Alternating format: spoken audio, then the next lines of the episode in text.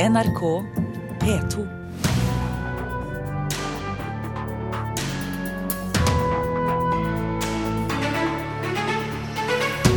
Egner-familien har skrevet videre på Kardemommeby.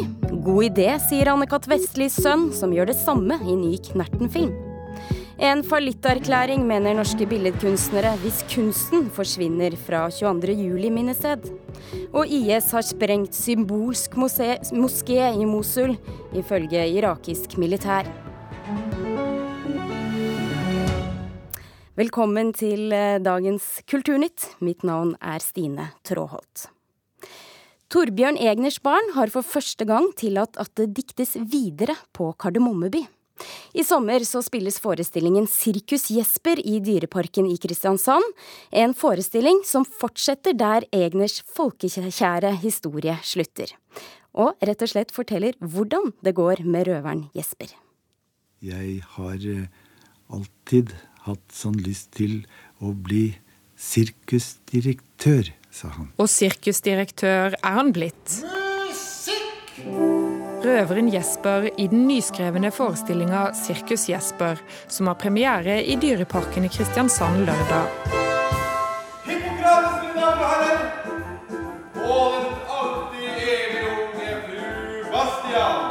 Sirkus Jesper er en forestilling med profesjonelle sirkusartister og skuespillere, og forteller om røveren Jespers debut som sirkusdirektør. Hva skjer med en karakter når den får sitt største ønske oppfylt, f.eks.? Og i dette tilfellet så er det jo det Jesper har drømt om hele livet. Han har alltid drømt om å, om å bli sirkusdirektør.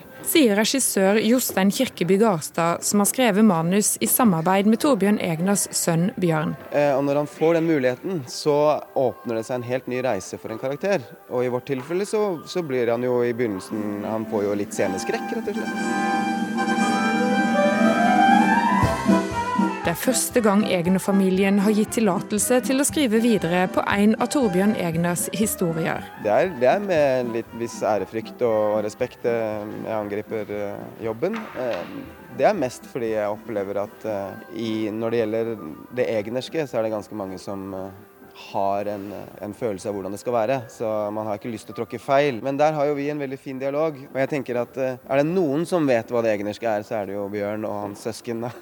vi tenker hele tiden hva ville faren vår uh, ment om dette eller dette? Sier Bjørn Egner. Og akkurat det med sirkus er vi trygge på at han syns denne form for videreføring, den er helt i hans ånd.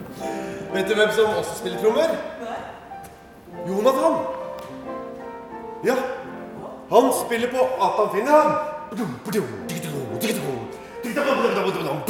Sirkus Jesper hadde urpremiere i Dyreparken i fjor. Bjørn Egne sier han og søsknene føler et stort ansvar når det gjelder å forvalte farens diktning. Og vi får mange, mange henvendelser av folk som ønsker å gjøre ting videre med, med min fars ting. Så, så, vi tenker oss godt om før vi sier ja til videre prosjekter. Familien har bl.a. fått en rekke henvendelser fra filmfolk som ønsker å lage en film om hva som skjedde med Karius og Baktus etter at de ble skylt ut av munnen til Jens. Men har sagt nei. Men Bjørn Egner utelukker ikke helt at det kan komme nye prosjekter basert på farens diktning. Det måtte være om det dukker opp forslag til eh, utnyttelse av dette som vi syns er i min fars ånd. Ja, reporter i dette innslaget var Miriam Grov. Jo Vestli, du er sønn av en annen folkekjær barnebokforfatter, nemlig Anne-Kat. Vestli, og driver i dag Vestli Produksjoner. Hva syns du om denne ideen? Jeg forstår veldig godt at den eh, kommer og blir gjennomført, fordi jeg ville tro at egne familien er blitt møtt av spørsmål om en oppfølging i mange mange år. Og jeg kan bare si at Vi har selv et barnebarn som eh, hadde sett forestillingen på Nationaltheatret for eh, nå mange år siden. Men det første han sa da forestillingen var over, ja, men kommer det ikke en fortsettelse? Og så sier vi voksne som er så fornuftige at neimen Torbjørn Egner er død, skjønner du. Og Han hadde da Anne Katz som sin bestemor, og så, så sier han ja, men kan ikke bestemor skrive resten, da? Eh, så tror jeg kanskje at det ikke hadde vært så lur idé, men at egnefamilien selv tar hånd om dette ved å være, ved å være aktivt deltakende i det. Og, og så, så, tror jeg at det kan bli riktig vellykket. Jeg har ikke sett det selv. Men forfatterne selv er jo veldig ofte strenge for hva man kan gjøre med verkene deres. Det er de, og med rette. Og det skal vi være som eh, også har fått forvaltningsansvaret for disse tingene.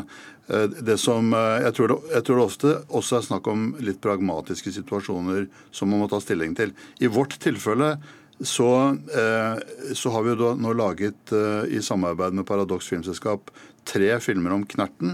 Og vi har jo kjent på veldig ofte hvor stor konflikten er mellom å ta ting ut fra bokform og, bringe det over i en film.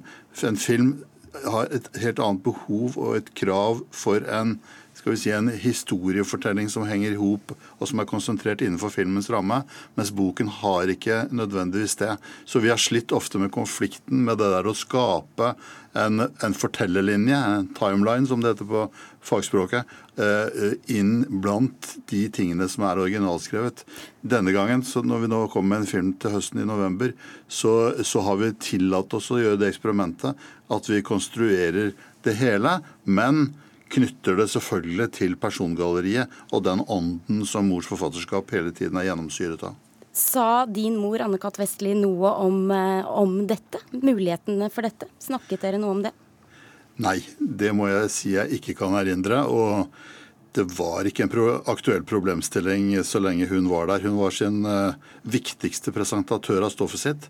I dag er det min bror og jeg, Håkon, som, eh, som, jo må ta det fulle og hele ansvar for hvordan dette forfatterskapet skal få leve videre. Men du har jo vært lenge skeptisk til å på en måte røre det på den måten dere gjør det gjør nå. Hvorfor har dette forandret seg? Det er fordi jeg er kjent på konfliktstoffet i, i, i, at man alltid skal måtte tilpasse det et annet medium, eh, og må gå på akkord på mange måter med originalen. Men det gjelder bare å bevare mest mulig av det som var eh, hovedbudskapet i det hun skrev. Og det går på den mellommenneskelige relasjonen mellom folk, hvordan de løser konflikter og utfordringer. Men etter hvert nå som årene går og flere generasjoner kommer til og skal styre arven etter din mor, hvordan sikrer du at de også er tro mot originalen og hennes ånd? Nei, man burde jo ha en ordning for sånt. Altså, Landbruket har jo klart det med odelsrett. Jeg er ikke sikker på om det lar seg overføre til, til de kreative yrker. Men det der vil jo alltid være en utfordring, og man må bare, bare passe på å, å pode ansvarsfølelsen videre til neste generasjon. Hvis noen nå tenker at du gjør dette rett og slett for å melke kua, tjene mest mulig penger, hva er ditt svar da? Ja, det, er, veldig, det, er veldig, greit egentlig å komme med den type anklage, men eh, man skal ta i betraktning at uh, vi kjemper jo for at stoffet skal fortsette å ha sin sterke posisjon.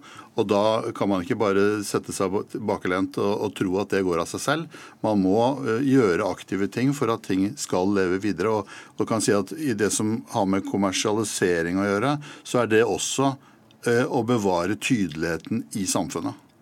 Tusen takk for at du var med i Kulturnytt, Jo Vestli.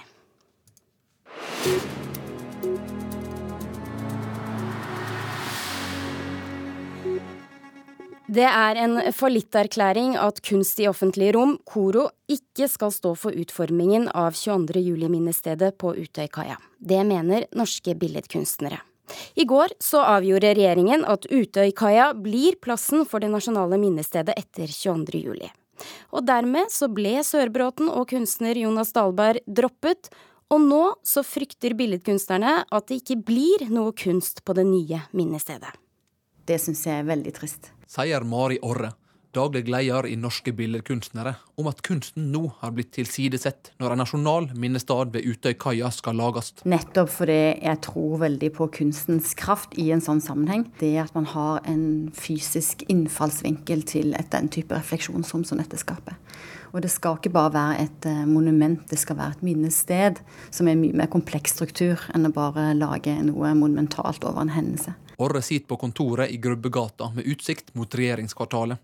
Snart seks år etter terroren i Oslo og på Utøya finnes det fremdeles ingen nasjonale minnesmerker eller minnestader. I går fikk en lang prosess en foreløpig konklusjon. Regjeringen har besluttet at det nasjonale minnestedet i Hole kommune etter terrorangrepet 22.07.2011 skal etableres på Utøyakaia. Det betyr at det ikke etableres et minnested på Sørbråten. Naboer protesterte kraftig mot de tidligere vedtakene. Det vil ikke bli utlyst en egen kunstkonkurranse for utforming av nasjonale minnestedet på Utøyakaia. Synd for, eh, for, kunstoffentligheten, det er synd for nasjonen og det er synd for kunsten at ikke et så godt arbeid blir realisert. Det mener Jørn Mortensen om at vi aldri får se verka til Dahlberg. Mortensen er rektor ved Kunsthøgskolen i Oslo og leder for kunstutvalget for minnestader etter 22.07. Han mener den prislønna kunsten til Dahlberg uansett vil bli stående som et referanseverk for minnestadskunst, både nasjonalt og internasjonalt. Nå reagerer Mortensen på at kunst ikke er en tenkt del av minnestaden ved Utøykaia. Jeg syns det er trist hvis det er slik at uh, Koro blir viklet av når uh, fellesskapet skal etablere mm, kunst i det offentlige rom. Det er ikke planlagt noen ny kunstkonkurranse. Statsbygg skal ha ansvar for minnestadutforminga. I en e-post til NRK sier Jan Tore Sanner at det ikke er naturlig at Koro skal være involvert når det ikke er snakk om konkurranse, men at en ny minnestad likevel vil kunne inneha kunstneriske kvaliteter. Mortensen ved Kunsthøgskolen mener avgjørelsen vil få kulturpolitiske konsekvenser. Jeg forventer at dette vil kultur- og kunstoffentligheten diskutere ganske, ganske, nøye i tiden som kommer. Mari Orre i Norske billedkunstnere omtaler avgjørelsen som en fallitterklæring fra regjeringa. Så mye grunnlag er lagt her som er så bra fra korets side at eh, jeg tror ikke det vil være vanskelig for koret å gå noen skritt tilbake og starte en ny og god prosess under forutsetning av et nytt sted og nye rammer. Det håper jeg virkelig at de vil gjøre. Dersom de ikke gjør det, da? Da har vi tapt noe viktig. Da har vi tatt muligheten for å skape et veldig bra minnested. Basert på de rette tingene, med utgangspunkt i de rette aktørene. Reporter Hans Olav Riise. Kulturkommentator Agnes Moxnes, vi hører altså KORO, det som er kunst i offentlige rom, statens fagorgan for kunst, de skal ikke være involvert lenger. Hvorfor reageres det så sterkt på det? Reageres nok på det fordi at vi har en veldig lang tradisjon for at det skal være kunst i sånne sammenhenger som dette her. Det er jo veldig lett å ta for seg og se på det veldig dramatiske kuttet som Jonas Dahlberg gjorde i Odden på Søbråten, det som det ikke blir noe av nå. Det var jo et kunstverk som alle, tror jeg, skjønte med en gang de så det. Det, det, er, et veldig godt bilde på sorg og savn, og en forbindelse som aldri kan gjenopprettes. Og det er et eksempel på minnekunst på sitt beste og på sitt eh, viktigste. Men hvorfor fjernes koret nå, da? Og hvorfor gir kommunalministeren jobben til Statsbygg isteden? Ja, Det er et interessant eh, spørsmål, fordi Koro blir satt til eh, side her. Det kan leses som en eh, indirekte kritikk av den jobben Koro har gjort så langt med minnestedet i Hole kommune. Men det kan jo også være at kommunalministeren nå for all del vil ha fred og fordragelighet rundt det nye minnestedet på Utøykaia og dermed fjerner alt som kan hisse til eh, strid, som f.eks. kunstnerisk eh, utforming, som jo har en tendens til å gjøre nettopp det. Hvis vi ser da et minnested uten kunst, eh, er det egentlig behov for det, selv om det er en lang tradisjon, som du sier? Ja, det kan, altså det kan godt, uh, Man kan godt lage et veldig forsiktig og minnested på, på Utøykaia som mange blir uh, godt fornøyd med. Men det er noe med at vi lever i en tradisjon hvor jeg tror alle kulturer over hele verden hedrer sine døde med å gjøre det gjeveste de kan for å minnes dem altså Kulturhistorien vår ville rett og slett sett helt annerledes ut hvis, de, hvis, vi, hvis, vi, ikke hadde hatt den tradisjonen. Det er bare å se på pyramidene i Egypt, Taj Mahal i, i India og, og Gokstadskipet her i Norge, bare for å nevne noen ytterst få. Mm. Bare dele litt til med Dahlberg. Kunne det i teorien vært det, det såre åpne fjellet, kunne det vært eh, realisert på den nye plassen? Nei, sånn som jeg oppfatter altså, eh, For det første så kunne de ikke det. Eh, det var helt avhengig av den odden. Men sånn som jeg ser det nå, så, så er regjeringen opptatt av å lage et minnested på Utøykaia som først og fremst skal være stille, tilbaketrukket og et ganske beskjedent minnested. Eh, det kan gjøre, gjøre, jobben, for å si det, å være en god ramme for å, for å, å minnes. Men eh, jeg syns ikke det er vanskelig å forstå at eh, dette virker alarmerende på norske kunstnerorganisasjoner. Tusen takk, kulturkommentator Agnes Moxnes. Og her i Kulturnytt så er klokken blitt nå 18 minutter over åtte, og dette er hovedsakene i Nyhetsmorgen nå. 2,6 millioner nordmenn får igjen på skatten. Pengene kommer på konto i dag. En halv million lønnstakere må betale rettsskatt. Navigasjonsutstyr i fritidsbåter øker risikoen for uhell. Det viser ny forskning. Båtførerne blir distrahert av å følge med på skjermen. Og halvparten av oss tror det foregår korrupsjon i kommunene, viser undersøkelse. Transparency International frykter at mye skjult smøring av kommuneansatte og politikere finner sted. I forbindelse med regjeringsstyrkenes gjenerobring av Mosul er den 800 år gamle Al-Nuri-moskeen i, eh, i Mosul sprengt. Moskeen var kjent for sitt eh, skeive minarett, og det var denne moskeen IS annonserte kalifatet for tre år siden fra. Og det skal også være IS som nå står bak ødeleggelsene. Arkeologiprofessor Kristoffer Prescott, eh, hvor viktig var denne moskeen? Eh, moskeen hadde stor symbolsk betydning, delvis fordi eh, den eh, ble bygget av han som innlemmet området i det osmanske riket for snart ja, 930 år siden. Den var viktig fordi, um, i, i, nyere tid fordi når IS inntok Mosul og systematisk ødela kulturminner og moskeer, og var på vei for å ødelegge denne her, så samlet lokalbefolkningen seg rundt den for å stoppe ødeleggelsen og sprengningen. Og IS da stoppet, lot være å sprenge den, uh, og heller brukte det som et sted for å annonsere opprettelsen av kalfatet. Hvorfor angriper IS denne typen monumenter? Nå er det jo litt, eh, litt eh, motstridende mm, historier om hvem som har eh, sprengt denne her. Men hvis det var IS, så kan det tenkes at, at de betraktet gjenerobringen av moskeen fra de irakiske styrker som et så stort symbolsk nederlag at de foretrakk å sprenge den selv. Og hvor, hvis vi ser et litt videre perspektiv her, hvor eh, store kulturminneødeleggelser har IS stått bak nå? Det er nesten ikke mulig å sette ord på den systematiske ødeleggelse av eh, oldtidsminner eh, som propagandaanslag mot Vesten og resten av verden, mot kirker, moskeer, eh, biblioteker, Eh, nær sagt alle mulige typer eh, kulturminner og kulturbygg som et anslag mot lokalbefolkningen. Massiv, det har vært massive ødeleggelser. Mm. Og For å hoppe litt tilbake igjen, eh, hva er så spesielt med, med denne moskeen, som nå skal være sprengt? Altså, det, For det første så er det en av, en av de få av de veldig gamle, opprinnelige moskeer i, i, Mosul som fortsatt var intakt. Og den var jo for så vidt truet, for den hadde uh, fått mye ødeleggelser. Uh, selve minarettet var uh, opprinnelig, selv om den var restaurert, slik at den var fra 1173. Så det er et forholdsvis originalt uttrykk for den utrolig vakre kunsten som kom fra, fra dette området på, på 1100-tallet. Og denne minaretten som vi her snakker om, det er altså tårnet der bønnene ropes eh, ut fra. Tusen takk for at du var med, arkeologiprofessor Kristoffer eh, Prescott.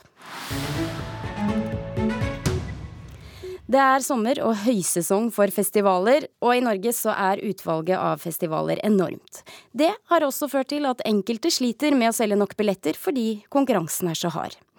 Petter Sommer, reporter, du er på plass i Piknik i parken. Det er en festival som ligger rett utenfor Frognerparken i Oslo, og starter opp i dag. Hva gjør de for å trekke folk? De eh, driver bl.a. med det som jeg driver med akkurat nå, og det er å tøye og bøye kroppen i veldig rare stillinger som har eh, merkelige orientalske navn. Ja, stemmer. Her står jeg sammen med yogainstruktør Andrew, som varmer opp crewet, som, eh, eller noen av de som skal jobbe her på festivalen bl.a., um, og som skal tilby yoga for å trekke folk som skal på musikkfestival. Er, er ikke det litt rart? Jeg syns, eh, det er ganske logisk, fordi det er veldig i vinden at yoga er blitt mer og mer tilgjengelig. Så når jeg og resten av gjengen fra High Yoga kommer for å undervise på PIP, så vi treffe mange mennesker. Mange vil oppleve denne yogaopplevelsen i en festivalsetting, så det er kanskje litt lavere terskel. Folk har kanskje slappet litt ekstra, føler seg komfortable bli med å prøve noe nytt. Og da er det bare masse å vinne. Det er ikke bare øret som skal stimuleres, det er hele mennesket her også. Ja, alle sansene. Vennskap, feiring. Det er viktig. Veldig bra. Jeg har prøvd, og dere vil ikke se hvordan det gikk, for det, jeg er stiv som en stokk. Eh, her står jeg også sammen med festivalsjef eh, Maria Carmona. Eh, Maria, Oslo har jo et vanvittig tilbud av festivaler om dagen. Forrige uke så hørte vi at Norwegian Wood eh, ikke gikk sånn superbra. Du ble i hvert fall ikke utsolgt, sa festivalsjefen. Eh, I, eh, i går så starta Over Oslo i Grefsenkollen. Dere har sterk konkurranse. Hvordan klarer Piknik i Parken seg når, når konkurransen er så hard? Vi forsøker å tilby vårt publikum litt ulike typer ting. Vi inviterer til piknik i parken, og i det så legger vi at folk skal komme og ha lave skuldre, som Andrew sa. og finne noe mer enn eh, bare musikk, selv om musikk er absolutt i fokus. Eh, I år har vi også utvidet parken inn i selveste Frognerparken. Vi stenger veien, vi eh, tilbyr familieaktiviteter. Øystein Greni kommer for å snakke med noen av artistene våre. Så her er det ulike ting å ta seg til, i tillegg til musikken, selvfølgelig. Ikke sant. Litt sånn avslappende festival, lave skuldre, men også noe for hele familien. Dere har en veldig eh, hva skal vi si, sammensatt eh, rekke artister som skal opptre her. Kan du bl.a. Arve Tellefsen midt i et mylder av rappere og hipsterorkestre her? Ja, det stemmer. Eh, Arve er jo en lokal gutt, så det er veldig morsomt at han har lyst til å komme til oss. Vi føler oss veldig heldige. Han skal spille i Borggården eh, i morgen fredag sammen med Ingrid Olava. Og det, der eh, lover de overraskelser og en magisk stemning. Så. Ja. så håper vi bare at været holder, og så er det billetter igjen, har du sagt. Det er absolutt billetter igjen, men det går fort unna. Så det er bare å, bare å komme og ja, oppleve sammen med oss. Ja. Piknik i parken i Frognerparken.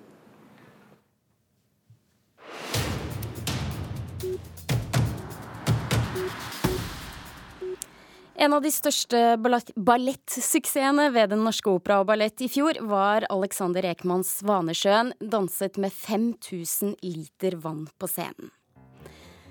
Og nå så er den svenske koreografen tilbake med stykket 'Rooms'. Og vi hører litt musikk herfra nå. Det er komponert av Michael Carlsson. Og Karen Frøsland Nystøl, du har kommet inn i studio. Hvordan eh, vil du beskrive hans nye forestilling?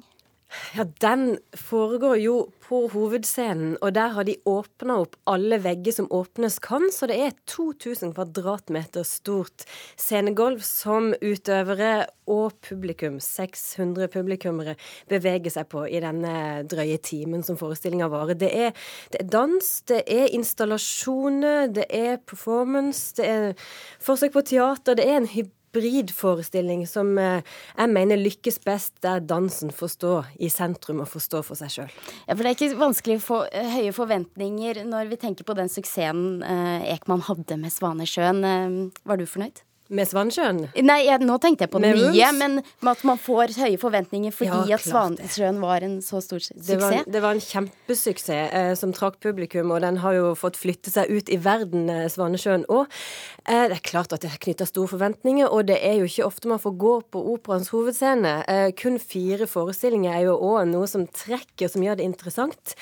Eh, det innfridde ikke mine forventninger, det må jeg jo si.